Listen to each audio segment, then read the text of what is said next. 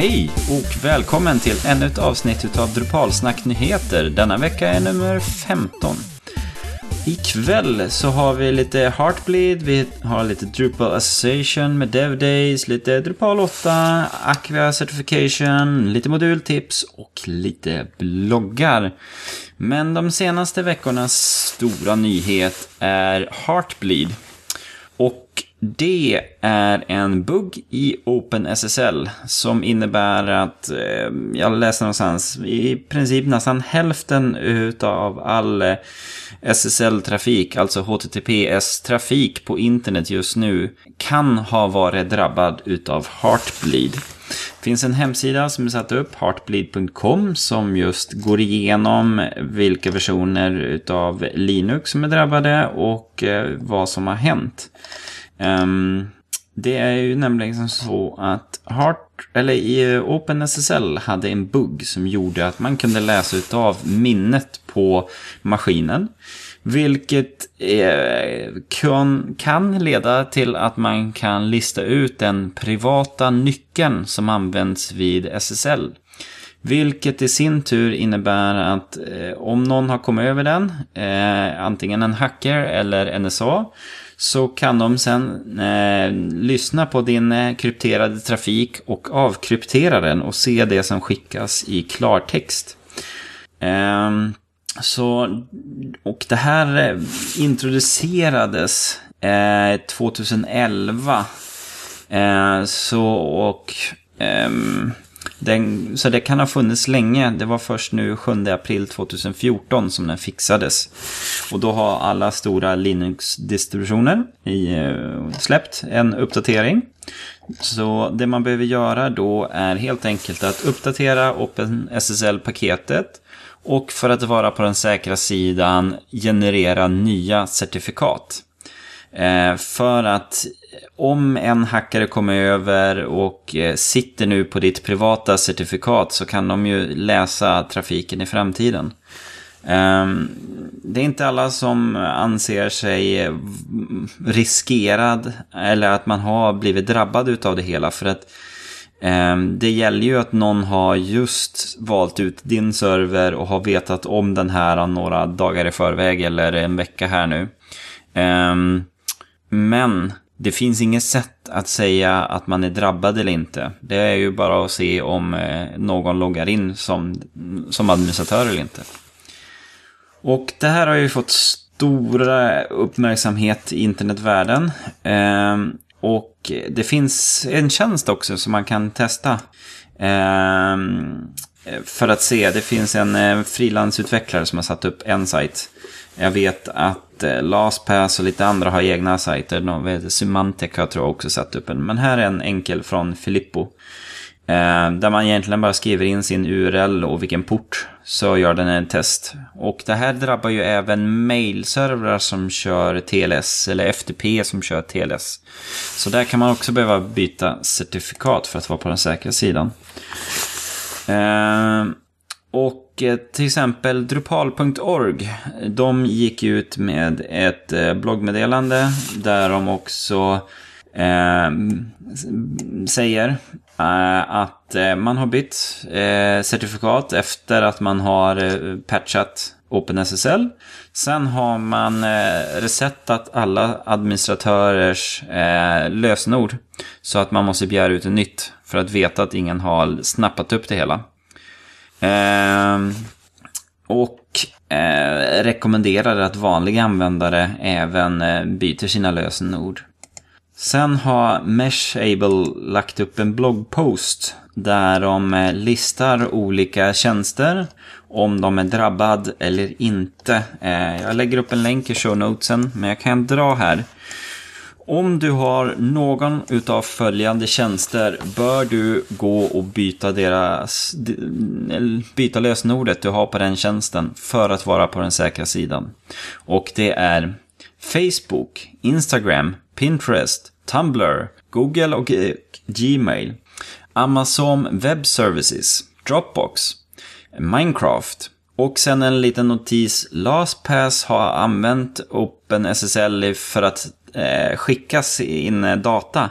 Men eftersom lösenordsdatan krypteras på klientsidan och eh, sen skickas den krypterade filen i SSL så eh, även om man kan eh, dekryptera SSL så behöver man inte vara orolig för sin LastPass-data. Så att där klarar man sig tack vare att LastPass är riktigt bygg. Ingenting skickas i det öppna utan det krypteras på klientsidan. Sen tjänster som har klarat sig. Det är LinkedIn, Twitter, vanliga Amazon, eh, alltså webbshopsdelen. Microsoft har klarat sig helt och hållet med Hotmail och alla deras tjänster. Och Ebay, PalPal och Evernote. Sen är det två stora parter som än inte har sagt någonting. Det är Apple och Netflix. Har inte medgett om de är drabbade eller inte. Så eh, det är ju ganska stora drakar som har drabbats. Eh, och eh, i princip alla utav de stora rekommenderar att man byter lösenord för att vara på den säkra sidan. För att ingen eh, har vetat om den här buggen och lyssnat på trafik och har sparat undan ditt lösenord, typ NSA. Så det var det om Heartbleed. Eh, dags att uppdatera servrarna som sagt. Jag eh, kan inte nog understryka hur viktigt det är eh, för er som använder SSL. För er som inte använder HTTPS-anslutningar så behöver ni inte bry er. Så det var det om Heartbleed. Sen har vi lite Drupal eh, Association-nyheter. Eh, den ena är att man har uppdaterat eh, logotypen eller badgen för individuella och eh, organisationsmedlemmar. Så det finns nya att ladda ner ifrån Drupal eh, och även eh, så ska det ha uppdaterats på ens profiler på drupal.org. Eh, sen så gick det ut ett bloggpost från dem som jag tycker är ganska läsvärt. Eh, titeln är Defining our roles in Drupal community.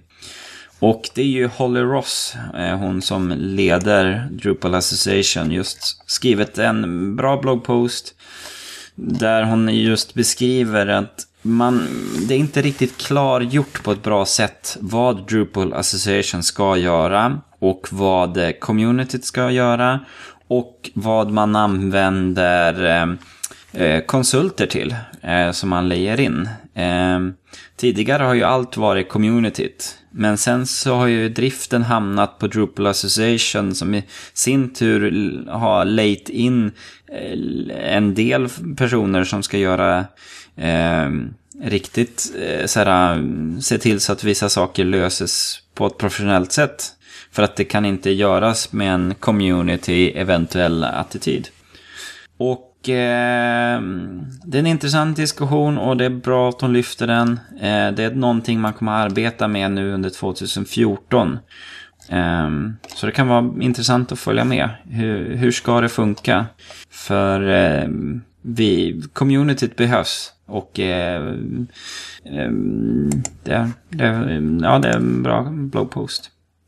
Sen eh, har de ju, eh, har ju Core-teamet släppt en bloggpost om deras vecka i Drupal Core. Man gjorde ju en release eh, i, ja, i mars, eh, 19 mars och sen är man på gång nu i april den 23 med Alpha 10.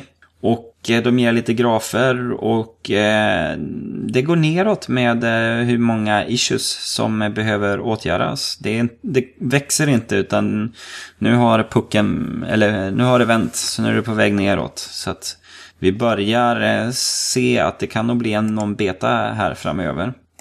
Och det kan ju tänkas då att man jobbar en hel del inför men sedan efter DrupalCon Austin som är i USA. Det är ju deras DrupalCon där. Och eh, för er som eh, känner för att resa till USA så är det ju eh, Drupals största kon med över 3000 människor. Och de har precis nu släppt vilka session som kommer att hållas. Så att det är ju en hel del Drupal 8, lite DevOps och ja, de kommer även ha en symfonispår eh, med saker som gäller Symfoni. Sen angående Core så har vi en kodsprint i Stockholm på gång. Det är eh, eh, vad heter han? Ruben. Eh, som är på gång med det hela. Som har dragit ihop det hela. Den 20... Det var när han postade det hela. Den eh, 4 maj. Så är det på gång. Då är det Avaves headquarter som eh, står host för det hela. Men det är Ruben som hjälper till. Så det finns Eh, på Groups där man kan eh, anmäla sig för det, det eventet.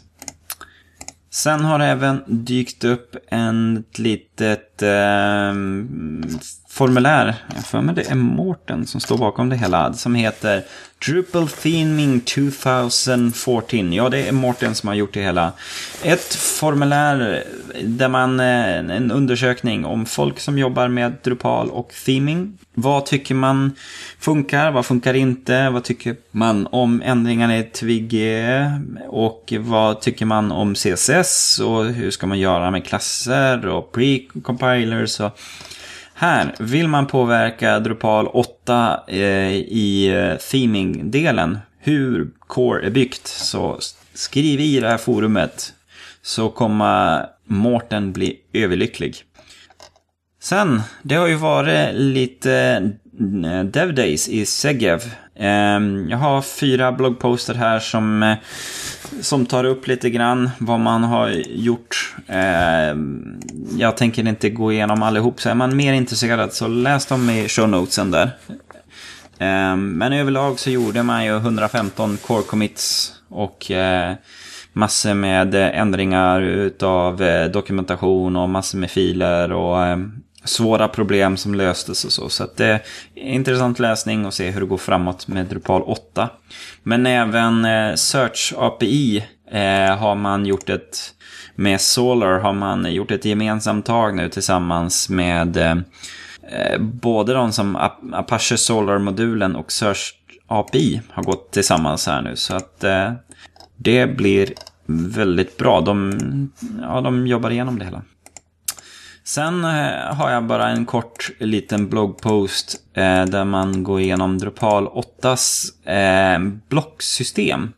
Hur det kommer att fungera, eh, hur man kan dra in med en liten eh, preview, en videosnutt på 13 minuter om hur det fungerar. Så det är intressant, man, man gör om och det verkar bli bättre. Så det var lite grann om det. Sen har det ju snackats och skrivits en hel del om Acvia Certification. Så man blir en certifierad Acvia-utvecklare. Eh, Acvia Drupal-utvecklare.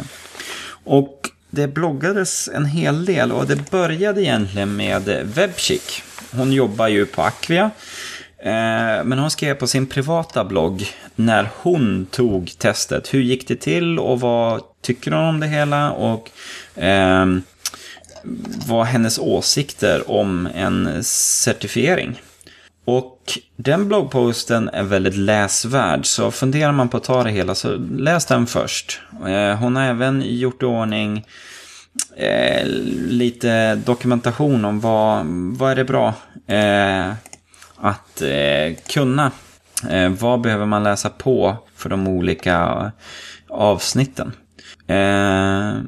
Och där, eh, hennes bloggpost har ju läst och sedan så är det folk som eh, skriver om det hela. Eh, här har vi Tan Tanai, Tanansei, ja, eh, som just skriver om hur det gick för honom att ta testet och eh, hur man kan läsa på och eh, lite grann med hur det funkar med ens dator när man kör den eh, online. Och sedan har Wunderkraut-gänget i både Sverige och Finland och jag tror det är några andra länder också som finns i som har skrivit. Har, eh, har tagit testet och gjort eh, har bloggat om det hela. Eh, vad de tyckte, hur det gick, svårighetsdelen på det hela. Vi har eh, vår svenska Micke, vad han heter, Sherin, eller Sherin, som skulle ta det hela. Och han upptäckte ju att eh, tar man det online så behöver du ha antingen en Windows eller Mac-dator. För programvaran du installerar på din dator fungerar bara på de OS-erna. Sen till din dator behöver du en webbkamera.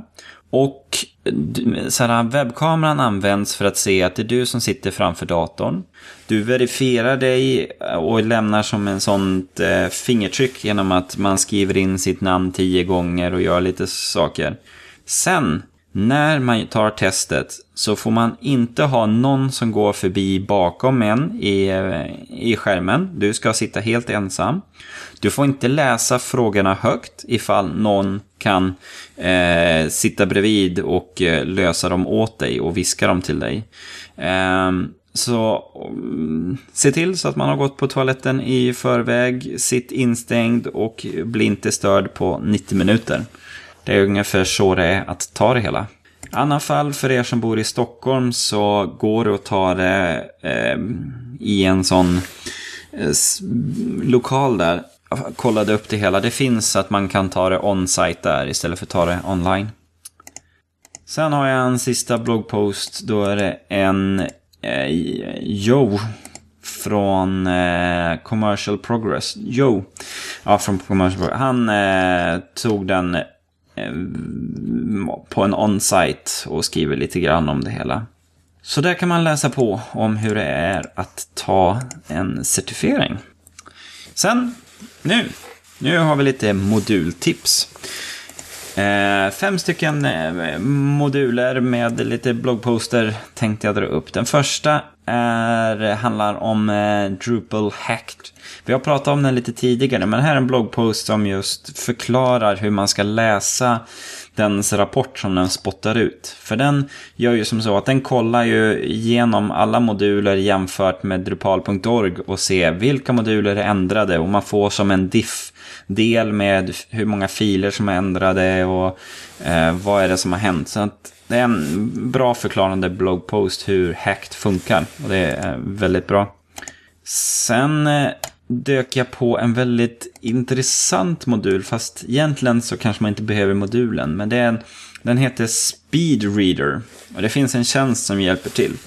Och det handlar om att eh, man kan läsa en text fortare genom att man ser till så att varje ord som man läser är på samma ställe. Så att man har som en, en, en snabbläsare som eh, listar ord för ord på samma ställe på skärmen. Så att man bara följer med med ögonen och den gör en liten sån markering på eh, den viktiga bokstaven. Så att eh, man kan i princip eh, läsa eh, texter med 300-500 ord per minut. Men upp till 1000 ord per minut kan man komma upp i. Eh, det är bara en liten rolig sak, men egentligen inte så viktigt att lägga in på sin Drupal-sajt. Sen är det en modul som jag eh, stötte på som heter YUML. Där man via, eh, vad kan man säga, typ markup-kod skriver en, ett UML-diagram. Så att då kan man skriva upp relationer att ja men här har en gubbe och den hör hit och den har en relation och eh, ja. Eh, det är en sådär, vill man göra snygga diagram eh, och skriva dem via markup-kod så kan man använda den modulen. Sen var det en bloggpost om Focal Point. Vi har ju nämnt den modulen tidigare, men här var en bra eh, blogggenomgång om den, eh, om den modulen. Och det är ju helt enkelt som så att man, man sätter en, en, en focal point på sin bild när man laddar upp den. Och sedan så vet Scaling Crop vad den ska centrera kring. Så om bilden är eh, hög och stående bild eller om den är portrait eller landscape liggande. Då kan den klippa ordning bilden så att man har fokus på rätt eh, sak. Så eh, det var en bra genomgång för den. Sedan så har vi en modul som heter Coffee.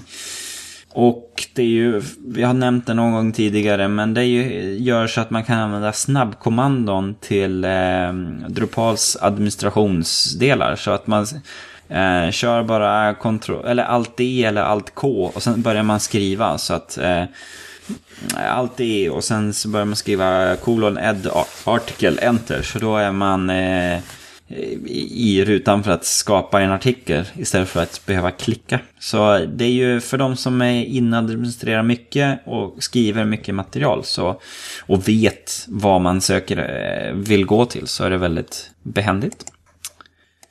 Så, då har vi sista delen här nu med bloggar. Och eh, jag följer lite humorbloggar också, så att det dök upp en bild där som jag kommer att länka till, men jag kan säga den också, jag tycker den var lite kul. Eh, det är en liten sån eh, grump, eh, Grumpy Cat-bild, och sedan är det texten bredvid som går så här. 99 little bugs in the code, 99 little bugs in the code. Take one down, page, patch it around. 127 little bugs in the code. Mm man introducerar lätt fler buggar när man fixar någon bugg.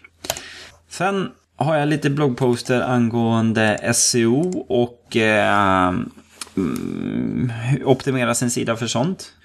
Eh, den ena kommer från Pineberry som just pratar lite grann om remarketing jämfört med retargeting. Eh, och eh, hur man gör med sina annonskampanjer och vad man riktar in sig till. Så att har ni någon liten hum om vad jag nyss nämnde så läs en bloggartikeln så kan ni få eh, veta lite mer om, om det hela. Sen eh, har vi eh, Eh, en till från Pineberry som eh, just skriver att Google har gjort om lite grann i sin eh, sökresultatsruta. Och det innebär när man får fram resultat så titeln som man tidigare sa att 64 tecken kunde du ha titellängden på innan Google började kapa utav dem. Det är nu bara 60 tecken. För att deras nya design har inte riktigt samma plats. Sen är ju det att Google eh, utgår ju ifrån pixelbredd och känner utav en textsträngs längd. Så att egentligen är det inte antal tecken, utan det är ju en längd. Men då är ju det att ett i eller ett w är olika bred. Och det, eh, det håller Google på att räkna ut hur, hur brett det är och sen kapar den efter det. Uh, Sen har vi eh, Brott, vår, eh, eller Bratt, fast han heter Brott i efternamn. Bratt, eh, det är en sökmotorföretag i Övik som släpper lite bloggar och de har listat här de mm, topp 10 SEO-misstagen. Där nummer ett är Flash. Och sedan eh, tvåan är hashtag och frames. Ja, ni kan läsa den och se om ni, har, eh, om ni följer standarden för SEO. Sen har vi också eh, lite Commerce Analytics, Event Tracking. Hur man skriver eh, kod, lite JavaScript-kod Eh, så för att kunna skicka med till Google vad folk egentligen gör. För att du kan ju göra det att om någon klickar på någon sida eller scrollar ner. Då lägger man det som ett event. För då kan man sen i Google Analytics eh, filtrera på det och se vilka gjorde det här och vad gjorde de efter det här och så. Så att det är en liten videotutorial om hur man lägger till det och hur man kan använda det som. Och slutligen så har jag två bloggposter här som jag tänkte dra. Den ena handlar om Font Awesome. Och egentligen så är det lite grann åt modultipshållet. Men det finns en, ehm, en font, en tjänst som heter Font Awesome. Eh, det är en, ehm, vad ska man säga, ett eget teckensnitt där varje tecken bara är en, en bild. Och eftersom teckensnitt är vektorgrafik och eh, skalar uppåt och neråt så genom att ha font Asum så kan du lägga in ikoner som eh, skalar i storlek och är små för det är bara vektorgrafik. Så att eh, det är en här bloggpost som går igenom hur man lägger till det hela. Och eh, väldigt schysst. Jag har sett det på fler ställen också. Och sen sista är bara en liten enkel bloggpost om hur du på Ubuntu 12.04 LTS uppgraderar till POP 5.4. Eh, väldigt enkelt och efter det så får du en snabbare sajt. Och Drupal 7 eh, har ju inte haft något problem med det hela. Vi kör ju själv det med Drupalsnack. Så det var det som var veckans eller veckornas nyheter. Eh, tackar så mycket för att ni har lyssnat och vi hörs igen om en vecka med Adam och Fredrik och sen två veckor till så blir det nyheter. Så ha det gott och så gott!